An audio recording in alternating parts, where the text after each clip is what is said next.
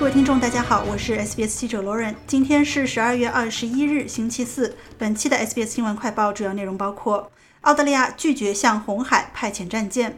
当局警告民众节庆期间小心驾驶；受热带气旋 Jasper 影响，昆州北部农业遭受重创；维州警察工会取消罢工。政府表示，澳大利亚将不会向红海派遣战舰参与美国的联合护卫行动。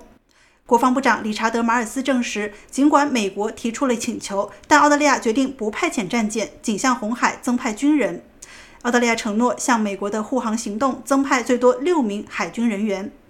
反对党外交事务发言人西蒙·伯明翰批评了这一决定，并表示，虽然保持对本地区的战略关注很重要，但苏伊士运河也是不可或缺的。红海约有国际贸易的百分之十二经过，但最近胡塞武装分子沿航运路线发动袭击，迫使航运公司采取了昂贵的绕行路线。马尔斯部长对天空新闻表示，政府的决定是为了澳大利亚的国防而采取的正确行动。We won't be sending a ship or a plane. That said, we will be almost tripling our contribution. 我们不会派遣战舰或战机，但我们会将我们在联合海上力量中的军力增加至近三倍。我们需要非常明确地了解我们的战略重点。我们的战略重点是我们的地区，及印度洋东北部、南海、东海以及太平洋。从国防战略评估中得出的结论是，澳大利亚要将战略重点放在我们的。邻近区域，这就是我们将要做的。另一方面，节日期间，澳大利亚道路上严重事故的发生率往往会上升，当局警告司机小心驾驶。今年全国范围内的道路死亡人数上升了超过百分之六。新州警察局助理局长安东尼·库克表示，在假期期间，司机们必须更加耐心和小心。他说：“If everybody respects that there are other people on the road。”如果每个人都尊重道路上的其他人，小心驾驶，注意自己的行为以及其他人的行为，那么我们遇到任何麻烦的可能性就会大大降低。这意味着我们都会很安全，我们都将能够一起享受节庆季和假期，彼此相处，而不会造成生命损失。他还警告人们不要在开车时使用手机。除此之外，库克还指出，在节日期间，家庭暴力和入室盗窃案件也往往会上升，提醒民众保持谨慎。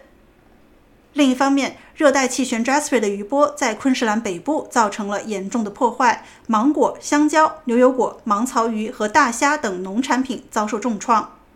由于交通线被切断，一些奶农不得不倾倒牛奶，而种植者则受到运输延误的影响，难以将产品及时送达市场。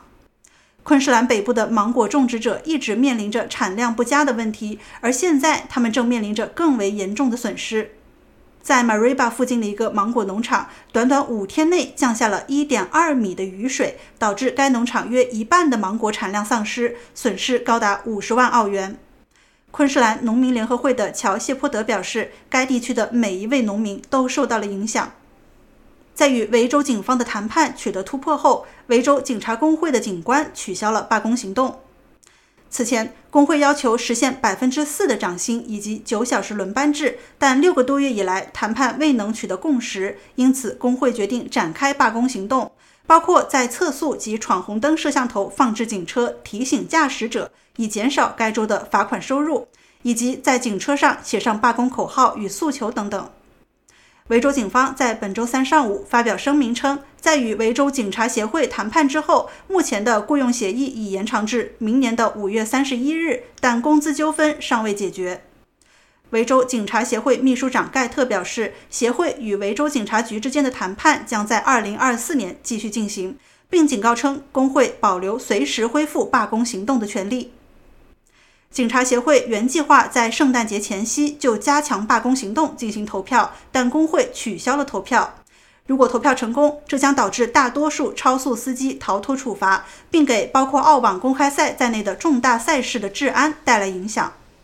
感谢收听本期的 SBS 新闻快报，在任何的播客平台订阅 SBS 新闻快报并开启消息提醒，即可随时了解澳洲国内外新闻及社区资讯啦。